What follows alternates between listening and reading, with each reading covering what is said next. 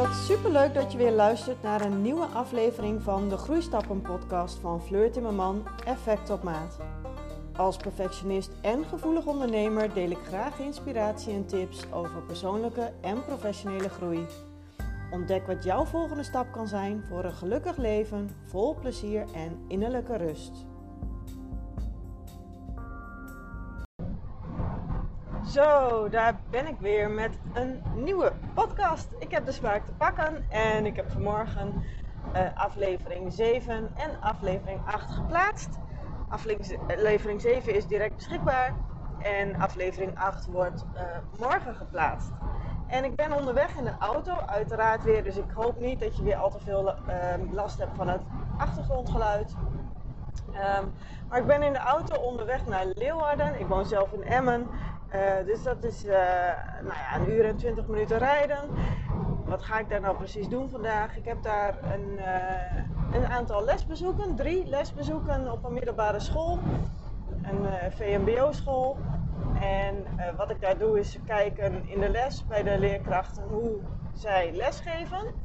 En ik ben bij deze leerkrachten al een aantal keren eerder geweest.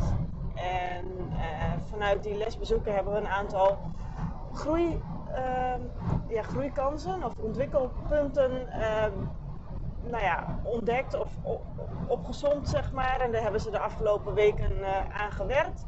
En vandaag ga ik kijken eh, hoe die ontwikkelpunten tot uiting komen in de huidige lessen. Um, dat ziet er eigenlijk zo uit. Ik eh, bezoek een les. Ik schrijf de les volledig uit met wat ik zie. Zo objectief mogelijk beschreven. En na de les hebben we een nagesprek tijdens een tussenuur bijvoorbeeld van de leerkracht of uh, na schooltijd. En dan hebben we een nagesprek en in dat gesprek gaan we de les bij. Wat heb ik beschreven, wat heb ik gezien en um, ja, welke oordelen, welke meningen geven we er dan aan of welke beoordeling geven we er dan aan. Dat doe ik altijd samen met de docent, want um, ik vind het heel belangrijk dat ze zelf ontdekken wat, uh, wat ze zelf vinden van hun les doordat ik mijn les of dat ik hun les altijd uh, uitgebreid beschrijf en uitschrijf, komen we vaak tot de ontdekking dat ze heel vaak dingen onbewust doen. En dat doen heel veel mensen natuurlijk, heel veel dingen onbewust. Uh, dus um, het is heel handig en heel, heel, heel goed voor de docent zelf als ze er zelf achter komen van, oh wacht eens even, dit is wat ik uh, uh, dus onbewust blijkbaar doe, wat ze zelf niet doorhebben. En dat zorgt ervoor dat ze sneller die schakeling kunnen maken van, oh wacht eens even, maar dat wil ik ook anders inrichten. En dan kunnen ze er weer mee aan de slag voor zichzelf. Um, wat ik ook grappig vind, wat heel erg onbewust gebeurt. ik zat net in of ik zit in de auto en ik uh, reed op de linker rijbaan. En um, op de rechter rijbaan zat een automobilist, een dame. En zij wilde graag uh, de vrachtwagen voor haar wilde ze graag gaan inhalen. Ze deed haar richting aanwijzen uit naar links. En wilde ook naar de linkerbaan gaan, maar daar zat ik al. En wat er toen gebeurde is een of andere schrikreactie, denk ik, vermoed ik. Want toen ik naast haar reed, kreeg ik allerlei non-verbale signalen naar mij toe, communicatie, als in een middelvinger en een uh, pratend, schreeuwend volgens mij gezicht, met wat mij van alles toewenste. En toen dacht ik, oh ja, nu ga ik beginnen aan mijn nieuwe podcast, want dat wil ik ook gewoon even opnemen. Wat er dan gebeurt is dat um, ja, die mevrouw die, ja, vermoed ik, schrok, wilde graag haar vrachtwagen inhalen wilde naar links, deed haar richting aanwijzen uit naar links en ging ook gewoon gelijk naar links. Maar ik kwam er toen achter dat ik al op die linker, uh, rijbaan zit, zat. En uh, wat er dan gebeurt is dat je een schrikreactie krijgt. En zo'n schrikreactie doet van alles in je lijf. En dat zorgt er dus voor dat je instinctieve reacties gaat geven. Vanuit je oerbrein, vanuit stress en vanuit overleving. Dus in dit geval kwamen er allerlei handgebaren omhoog.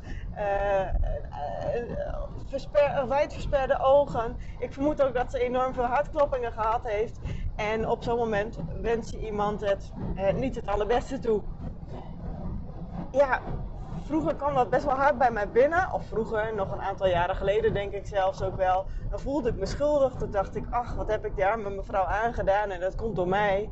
En dan ging ik het allemaal weer op mezelf betrekken. En dan kwam het, al die handgebaren of, of die verwensingen die ik dan kreeg, kwamen dan ook letterlijk in mijn lijf binnen. Nu merk ik dat ook nog steeds wel. Het doet iets met mij. En dat is natuurlijk ook de reden waarom ik dit nu in mijn podcast verwerk ook. Ehm, maar het doet iets met mij. En, ehm, maar ik hoef het mezelf niet aan te trekken. Als ik de situatie weer bij langs ga, ik deed niks raars, ik deed niks onvoorspelbaars of verkeerd. Ik zat gewoon netjes op die linker rijbaan. En die mevrouw, die deed haar richtingaanwijzer aan en ging ook gelijk naar de linker rijbaan zonder dat ze heel goed had gekeken. En die schrikreactie, die zorgde dus voor dat ze bepaalde dat, dat er dus bij haar ook een bepaalde reactie optreedt. En die heeft niks met mij te maken. Die, die mag ik ook gewoon lekker bij haar laten.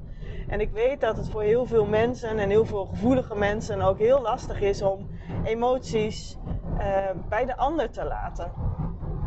En dit is dus zo'n voorbeeld waarbij je niet al het leed en niet alles wat er gebeurd is op jezelf hoeft te betrekken. Maar je mag het ook gewoon lekker bij een ander laten. Maar nog zo'n voorbeeldje trouwens over leed en ik wil het helemaal niet in deze podcast hierover hebben, maar ik neem hem toch alvast even mee. Um, onze poes, we hebben twee poesen, Dizzy en Chili. Oh, wat leuk. Ik zie, uh, ik haal een motorrijder in en dat is zo'n dame op de motor. Vind ik altijd even speciaal. Want uh, ik rijd zelf ook motor, dus ik vind het altijd leuk als ik dan ook een dame op de motor tegenkom. Maar goed, we hebben twee poesen, Dizzy en Chili. Het zijn allebei meisjespoesen, vrouwtjes. En uh, Chili is eigenlijk best wel heel relaxed, doet haar naam ook eer aan. Maar Dizzy is altijd een beetje druk en zeg maar een beetje Dizzy in het hoofd. En um, um, vrijdag, afgelopen vrijdag, kwam Dizzy hinkend binnen op drie poten. En wij dachten, ach ja, weet je, ze zal alweer even gek gedaan hebben. Ze zal even rust nodig hebben. Um, maar vervolgens ging dat niet over. Ja, we hebben nog even gedacht, zullen we de dierenarts bellen? Want ja, we gaan zo meteen het weekend in. En in het weekend gaan we natuurlijk niet de dierenarts bellen. In verband met het hoge weekendtarief. Uh, nou, we kijken het nog heel even aan. Maar ach, een beetje rust zal wel voldoende zijn. Maar vervolgens blijft ze de hele avond hinken. Blijft ze de hele avond op drie pootjes lopen. Dus dat is niet helemaal goed. En het lijkt er ook op alsof ze een enorme zwelling heeft. Maar ja, als je die zwelling voelt, dan kun je dus ook niet echt goed voelen aan het pootje. Volgende dag hinkte ze nog steeds.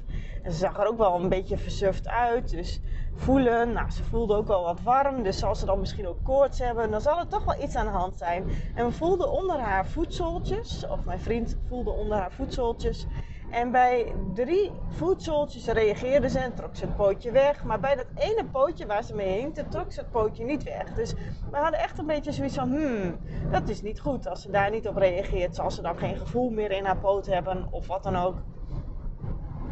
Um, dus besloten we smiddags toch om de dierenarts te bellen.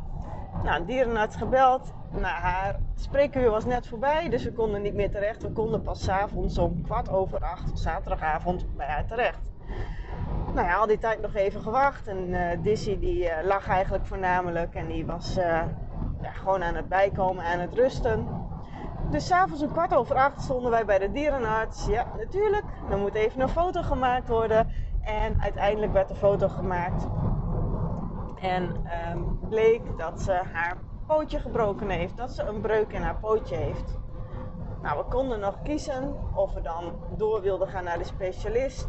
Dan moest ze geopereerd worden en dan werd er een plaat in haar poot gezet om uh, haar pootje anatomisch helemaal recht te gaan krijgen. Maar, zei de dierenarts, ik denk dat het ook wel goed gaat komen met de gipspalk die ze van mij gaat krijgen. Dus uiteindelijk hebben we haar daar gelaten, moest ze onder narcose. En heeft ze daar een gipspalk gekregen. En de volgende ochtend konden we haar weer ophalen. En wat er dan toch door je hoofd heen gaat, is van goh, hoe heeft dit kunnen gebeuren? Waar komt dit vandaan? Doreen, begint nu. En uh, uh, dat was mijn agenda die eventjes dus, dus, dus, tussen, die er even tussendoor kwam en dan ben ik gelijk weer afgeleid. Um, wat er dus door je hoofd heen gaat, is dat je gaat ontdekken of onderzoeken waar, waar is dit vandaan gekomen? Hoe komt het dat zij op drie poten loopt en dat ze hinkt? wat is er gebeurd? Nou ja, er stond een hele grote pallet naast het huis. En die pallet die wilde ik graag hebben, omdat ik dacht, hé, hey, die kunnen we gebruiken voor onze vuurkorf of voor onze houtkachel. Dus wilde ik die pallet hebben en die heb ik naast ons huis rechtop gezet, op de kant, in plaats van plat. En die pallet die is ook omgevallen. En uh, mijn vriend heeft die klap ook wel gehoord. Vlak daarna kwam Dizzy ook binnen. Dus we denken en vermoeden dat zij misschien wel in die pallet is geklommen. En toen is die pallet omgevallen. Bovenop haar waarschijnlijk. En we weten het niet zeker, maar dat is wel ons vermoeden. En ja, dat was een behoorlijk zware pallet. Dus het kan best zijn dat die klap ervoor dus voor gezorgd heeft dat haar pootje ertussen is gekomen. En dat ze daardoor haar poot heeft gebroken. Ja, en wat gebeurt er dan? Want ja, dan kan ik mezelf gaan wijsmaken dat het mijn schuld is dat zij haar poot heeft gebroken. Dat het mijn schuld is. Want ik wilde die pallet zo graag hebben. En ik heb die pallet naast het huis neergezet. En ik heb die pallet niet plat gezet, maar rechtop gezet. Waardoor die veel makkelijker kon omvallen. En dan kun je heel makkelijk zeggen: het is mijn schuld. Maar heeft het beestje er uiteindelijk wat aan? Kan ik de tijd terugdraaien? Het is misschien niet zo handig geweest van mij om die pallet rechtop te zetten. En daar kan ik van leren. Ik kan het me ook mezelf altijd schuldig blijven, kwalijk blijven nemen. Maar dat, ja, daar heeft dat meisje of dat beestje niks aan. En uh, daar kunnen we de tijd niet mee terug, uh, terugdraaien. Dat ze dus alsnog uh, een gipspoot moeten hebben. Dat we alsnog in het weekend naar, het, naar de dierenarts moesten. En ik weet dat heel vaak gevoelige mensen en, en hooggevoelige mensen zoals ik, je kunt je dat altijd kwalijk blijven nemen. Maar daar wordt niemand beter van. Daar wordt de wereld niet beter van. Daar wordt het leed van de ander niet beter van. Of niet zachter van. Ja, je kunt, als het om een moment zou gaan bijvoorbeeld, zou je kunnen zeggen: Het spijt me, oprecht. En ik had het anders moeten aanpakken. En dat is wat je kunt doen. Maar het leed wordt er niet anders van, het wordt er niet zachter van. Dus dat schuldgevoel, zorg ervoor dat je uh, daar niet in blijft hangen. Dat je weer verder gaat. Dat je er even bij stilstaat is oké. Oké, ik had dit anders kunnen aanpakken. En volgende keer ga ik dat ook anders aanpakken. En dan trek je daar je lering uit en je les uit. Maar blijf er niet in hangen. Nou, um, de podcast die ik wilde opnemen ging over plannen. Ik ga daar toch een andere podcast over opnemen. Want nu ik hier over, het heb over uh, het leed van anderen aantrekken en daarin blijven hangen, wel of niet, of je de les daaruit leren, wil ik toch deze podcast hierover gaan doorzetten. Want zo heb ik nog meerdere voorbeelden. Het moment dat ik uh, ging scheiden, bijvoorbeeld. Dat moment en op het moment dat, ik het aan, uh, dat wij het aan onze kinderen vertelden dat we gingen scheiden dat was een moment dat me enorm raakte. En, en eh, dat ik het leed in hun ogen zag. En dat ik mij ontzettend schuldig heb gevoeld. Dat ik wilde scheiden. En dat ik degene was die ons gezin uit elkaar heeft getrokken. En dat ik degene ben geweest die ervoor heeft gezorgd dat mijn kinderen in een gebroken gezin moeten opvoeden. Oh joh, als ik dit nog eens een keer zo hardop zeg, dan raakt me dat enorm. En het doet me nog steeds pijn. En oh, wat heb ik me lang schuldig gevoeld. En ik weet nog dat ik ook om die reden het heel lang heb uitgesteld. Om het schuldgevoel wat ik heb. Door mij hebben mijn kinderen geen uh, um, gelukkig gezin waar ze in opgroeien. Door mij hebben mijn kinderen een, een gebroken gezin. Door mij moeten mijn kinderen steeds van de een naar de ander. Door mij hebben mijn kinderen soms een loyaliteitsconflict. Het is mijn schuld dat mijn kinderen twee verschillende huizen hebben. Dat mijn kinderen heen en weer moeten tussen vader en moeder. Dat mijn kinderen niet meer uh, een verjaardag op één plek kunnen vieren. Dat ze niet meer alle feestdagen op één plek kunnen vieren en dat ze dat moeten verdelen over de verschillende ouders. Dat is allemaal mijn schuld. En wat heftig is dat eigenlijk, hè? En ik weet nog dat ik het zo lastig heb gehad daarmee en dat ik het zo moeilijk vond. En dat ik mezelf dat zo kwalijk heb genomen. En trouwens niet alleen ikzelf. Ik heb ook heel veel last gehad van oordelen van andere mensen om me heen in mijn omgeving. Ik heb zoveel mensen gehad die mij veroordeeld hebben. Die het egoïstisch van me vonden dat ik wilde scheiden. Want ik had zo'n leuke partner. Ik had zo'n aardige eh, partner. Mijn man was ontzettend normaal. lief voor de kinderen, lief voor mij. Uh, we hadden een gelijkwaardigheid in het huishouden. Hij werkte mee in het huishouden. Ik deed mijn dingen in het huishouden. We hadden alles samen, onze vriendenclub samen. Alles, ons hele leven zat ook, was gewoon verbonden. Was gewoon verstrengeld in elkaar. En ik was degene die, um, die eruit wilde stappen. En ik was degene die ervoor zorgde dat, dat het financieel wat lastiger werd. En ik was degene die ervoor zorgde dat onze vriendengroep op die manier uit elkaar ging naar ons toe. En ik was degene die die families uit elkaar trok. Joh, als je kijkt wat er komt kijken bij een scheiding. En als je dan ontdekt waar je allemaal mee te maken krijgt. En dat schuldgevoel wat je zelf al hebt. En ook nog eens het onbegrip en het schuldgevoel en de oordelen die anderen bij je neerleggen. Onbewust soms, hè? Want heel veel mensen hebben helemaal niet door dat zij met hun manier van praten zoveel oordelen bij je neerleggen. Waardoor jouw schuldgevoel alleen maar erger wordt en groter en heftiger wordt. En ik neem het ook niemand kwalijk, want zo is het ook hoe het gaat. En iedereen reageert vanuit zijn eigen behoefte en vanuit zijn eigen verlangen. Ehm, maar daarmee komt er soms onterecht onbegrip en schuldgevoel bij de ander terecht. En in dit geval was dat bij mij. En dat was een behoorlijk lang proces voor mij. En ik ben aan het ontdekken, te zijn tegelijkertijd dat ik nu aan het praten ben, want ik had helemaal niet voorbereid om deze podcast hierover op te nemen. Over schuldgevoel eigenlijk en het lot en het leed van anderen aantrekken en daarin blijven hangen. Ehm, ja, wat heeft mij geholpen? Het heeft mij geholpen om erover te praten, maar vooral weer in mezelf gaan geloven. En gaan ontdekken, ja, dit is de reden waarom ik wilde scheiden. Dat je het niet zomaar doet. Dat je daar een goede reden voor hebt. En dat het dus ook oké mag zijn dat jij die beslissing neemt en dat jij uh, hetgeen wat daaruit voortvloeit, uit jouw keuze, dat je dat ook accepteert. En dat is misschien wel het belangrijkste geweest. Dat je een keuze maakt. Het duurde dus al heel lang voordat ik die keuze had gemaakt. Maar dat je uiteindelijk die keuze daadwerkelijk maakt. En dat je dan ook beseft en dat je dan ook aanneemt dat alles wat er uit die keuze voortvloeit, dat dat uh, oké is. En dat dat jouw weg is. En dat dat erbij hoort. Ja, ik wilde scheiden. Ja, dat betekent dat mijn kinderen in een gebroken gezin gaan uh, opgroeien. Maar het betekent ook dat ik degene ben die de verantwoordelijkheid kan nemen om te zorgen dat ze zo min mogelijk leed hebben. Ja, die, dat leed van die scheiding en dat gebroken gezin kan ik niet meer wegnemen.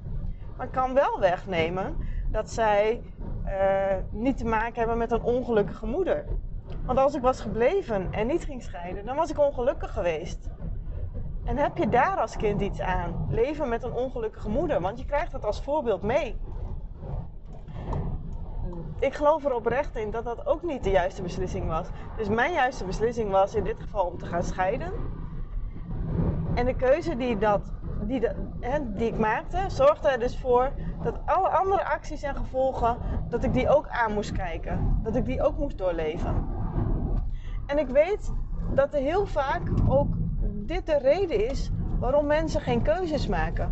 Waarom ze blijven hangen. Omdat ze de gevolgen niet onder ogen willen zien. Of omdat ze de gevolgen niet aan willen gaan. In dit geval is het dus belangrijk om te ontdekken: wat is mijn keuze? Welke keuze, welke kant wil ik opgaan? Want geen keuze maken is ook een keuze maken. Want dan blijf je hangen in de situatie en dat verbetert de situatie ook niet. Want dan ben je en ongelukkig. En je maakt geen keuze. Dus ook daarmee maak je je kinderen ongelukkig. Ik heb uiteindelijk de volle verantwoordelijkheid gepakt. De scheiding was er door. En ik ben ervoor gaan zorgen dat ik naar, goed naar mijn kinderen heb gekeken. Wat hebben zij nodig? Wat heb ik nodig om weer gelukkig te worden, om mijn leven op te pakken en om mijn leven in te richten zoals het voor mij en mijn kinderen goed is. En dat ik bijvoorbeeld het even financieel een behoorlijk stuk slechter kreeg, dat is een gevolg van de scheiding geweest. Maar uiteindelijk, en vooral ook achteraf, heeft dat ervoor gezorgd dat ik veel betere financiële keuzes ben gaan maken in mijn leven. Maar ook dat mijn kinderen uh, veel meer um, geldbewust zijn geworden. Dat zij veel meer snapten van oké, we kunnen niet alles meer doen. Het is niet maar we vragen iets en we krijgen het. Want dat was wel een beetje in de oude situatie tijdens mijn huwelijk nog. We hadden het gewoon goed samen. Dus onze kinderen ontbrak het ook aan niets. En op het moment dat we gescheiden waren en ik het financieel echt niet makkelijk had, uh, zorgde ik er ook voor dat mijn kinderen inzicht kregen, veel meer geld bewust werden. Dat ze veel meer inzicht kregen in hoe zit dat met geld. En je kunt het maar één keer uitgeven en waar geven we het dan aan uit? Wat vinden we dan belangrijk?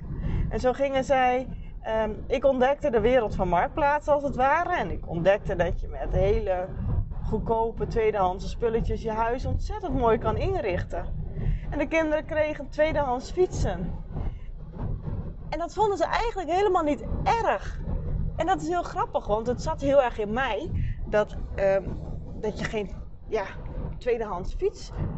Als, dat is helemaal niet nodig, want we konden ook gewoon nieuwe fietsen betalen. Dus waarom zouden we tweedehands fietsen gaan kopen? En dat zijn allemaal ontwikkelingen die je doorgaat op zo'n moment. En ik heb er geen oordeel over, hè? Over tweedehands fietsen. Let op werkzaamheden. Oh jee, werkzaamheden. Onderweg. Um, ik heb er geen oordeel over, dat je, over tweedehands spullen. Absoluut niet. En sterker nog, dat, dat had ik niet.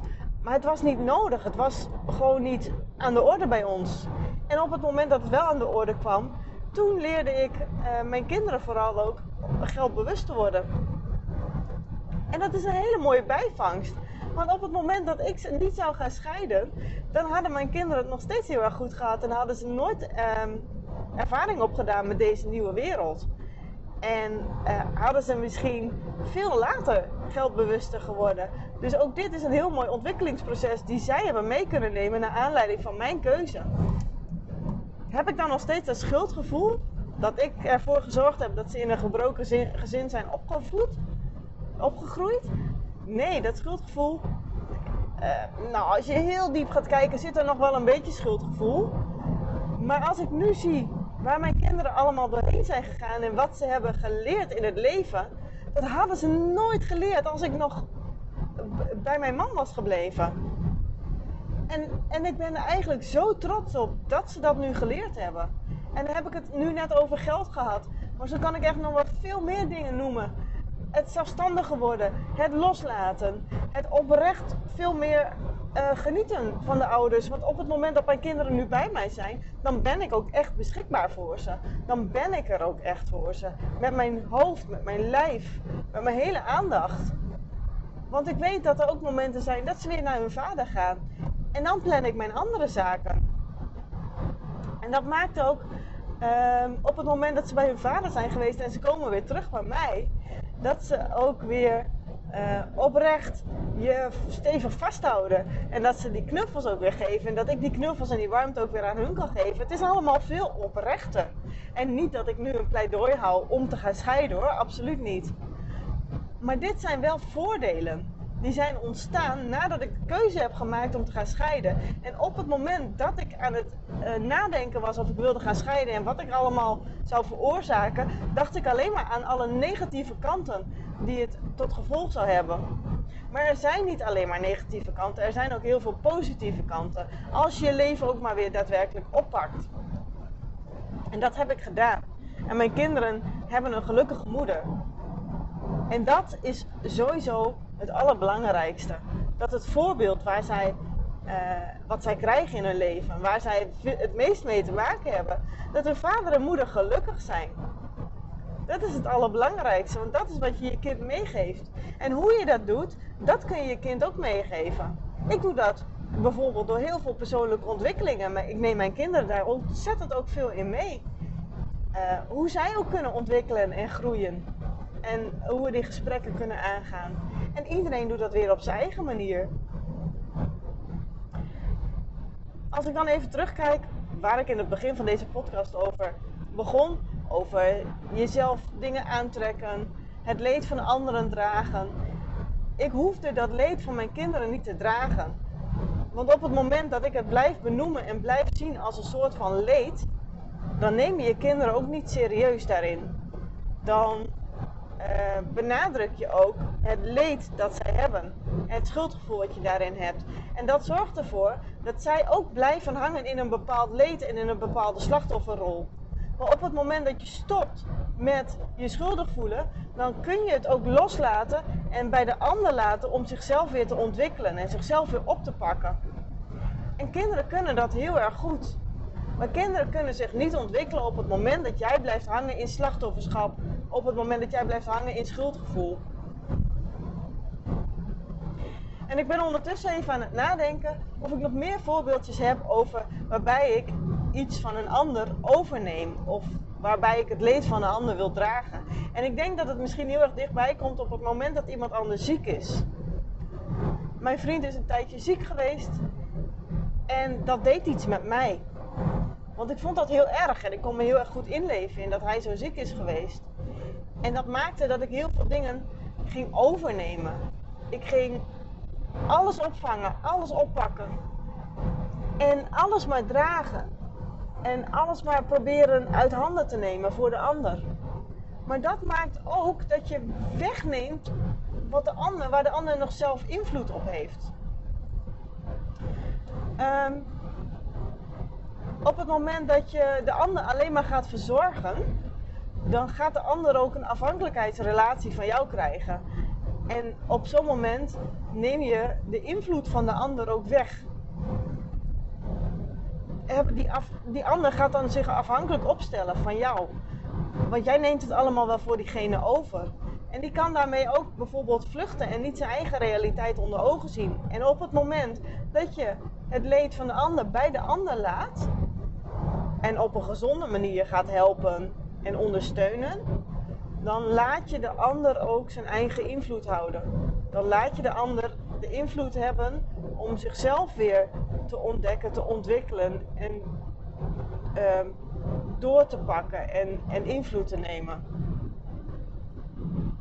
Dat is iets waar wij als hooggevoeligen of als gevoelige mensen echt wel een handje van hebben. We nemen het allemaal maar van een ander over. Maar daarmee zorgen we er ook voor dat de ander dus niet meer in zijn eigen kracht kan staan. En dat de ander op ons gaat leunen. En dat we een afhankelijkheidsrelatie gaan creëren. En het maakt het ook makkelijk voor de ander om alles en al zijn zooi maar over de schutting te gooien naar jou toe. Want jij pakt het toch wel aan. En jij gaat er toch wel mee zitten. Op het moment dat mijn vriend bijvoorbeeld even niet goed in zijn vel zit, dan uh, is mijn valkuil dat ik het op mezelf vertrek. Dat ik denk dat het met mij te maken heeft. Nee, het heeft niks met mij te maken. Het heeft te maken met dat hij niet goed in zijn vel zit. Dat heeft er niet mee te maken dat ik niet goed genoeg ben of dat ik niet meer voldoe. Hè? Dat, dat is mijn instinctieve reactie als het ware. Mijn valkuil waar ik altijd weer intrap. En daar moet ik mij heel bewust van zijn. Als iemand anders ehm, als ik een ruimte inkom en er hangt een hele vervelende negatieve sfeer, dan komt dat bij mij als een bom binnen. Dan voel ik dat in mijn hele lijf, dan voel ik dat in mijn buik, in mijn maag, een bal in mijn buik. En dan ben ik heel snel geneigd om me te laten beïnvloeden door die sfeer. En om dat over te nemen. En op het moment dat jij dat gaat doen, dan ga jij heel hard werken. Maar daarmee zorg je er ook voor dat de ander niet meer hard gaat werken. En dat de ander kan blijven hangen in zijn eigen stukje. Ehm, dat is eigenlijk ook de bedoeling. Dat jij diegene laat hangen in zijn eigen stukje. Want op dat moment dan kan die ander twee keuzes maken. Of hij blijft hangen in zijn eigen stukje, of hij gaat er zelf iets mee doen. Maar het niet over de schutting gooien naar jou toe, zodat jij het allemaal wel gaat oplossen. En dat jouw sfeer en jouw gevoel in jouzelf en dat jouw humeur daarvan gaat afhangen. Dat jij het leed allemaal wel weer gaat overnemen, gaat opzuigen. Als ehm, je bent als het ware een spons die het allemaal in je opneemt, zodat het bij de ander verdwijnt. Maar het is niet jouw verantwoordelijkheid. Het is jouw verantwoordelijkheid, sterker nog, het is jouw verantwoordelijkheid om het bij de ander te laten. Zodat die ander ook alle groei en ontwikkeling voor zichzelf mag doormaken. Het is niet jouw taak om het leed en de, en, en de pijn van anderen over te nemen.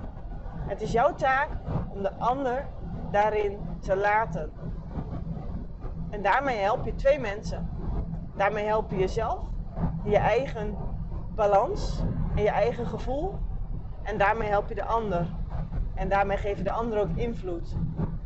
En daar wil ik deze podcast mee, mee afsluiten. Het was niet de bedoeling om de podcast over dit onderwerp op te nemen, maar het komt zo eenmaal op. En dat is wat ik je wil meegeven. Neem niet het, het leed en de pijn over van de ander. Laat het bij de ander. En zorg ervoor dat je zelf in balans blijft. Zorg ervoor dat jij niet blijft hangen in schuldgevoel of in zorgen. Want jij moet. Let op werkzaamheden. Jij moet dicht bij jezelf blijven. Want alleen daarmee kun je sterk zijn voor de ander. En kun je de ander ook tot volle potentieel laten komen en ontwikkelen. Ik ga deze podcast afsluiten en vervolgens ga ik een nieuwe podcast starten over het onderwerp waar ik het over, uiteindelijk over wilde hebben. Ehm, ik wens je in ieder geval nog een fijne dag en ik hoop dat je weer luistert naar de volgende podcast. Doei doei! Dankjewel voor het luisteren naar de Groeistappen podcast van Fleur Timmerman Effect op Maat. Ik ben benieuwd wat jouw volgende stap is naar een gelukkig leven vol plezier en innerlijke rust. En wat jij van deze podcastaflevering vindt. Laat het me vooral weten door mij een bericht te sturen via Instagram of Facebook. En je kunt daar ook al je vragen naar mij stellen. En ik zou het heel erg waarderen als je mij helpt om mijn podcast te laten groeien, zodat mijn podcast zichtbaar wordt voor nog heel veel andere mensen die ook op zoek zijn naar een gelukkig leven vol plezier en innerlijke rust. Dit kun je doen door mijn podcast een sterrenreview te geven, door te delen op social media en aan zoveel mogelijk mensen te vertellen. Super bedankt en tot de volgende keer!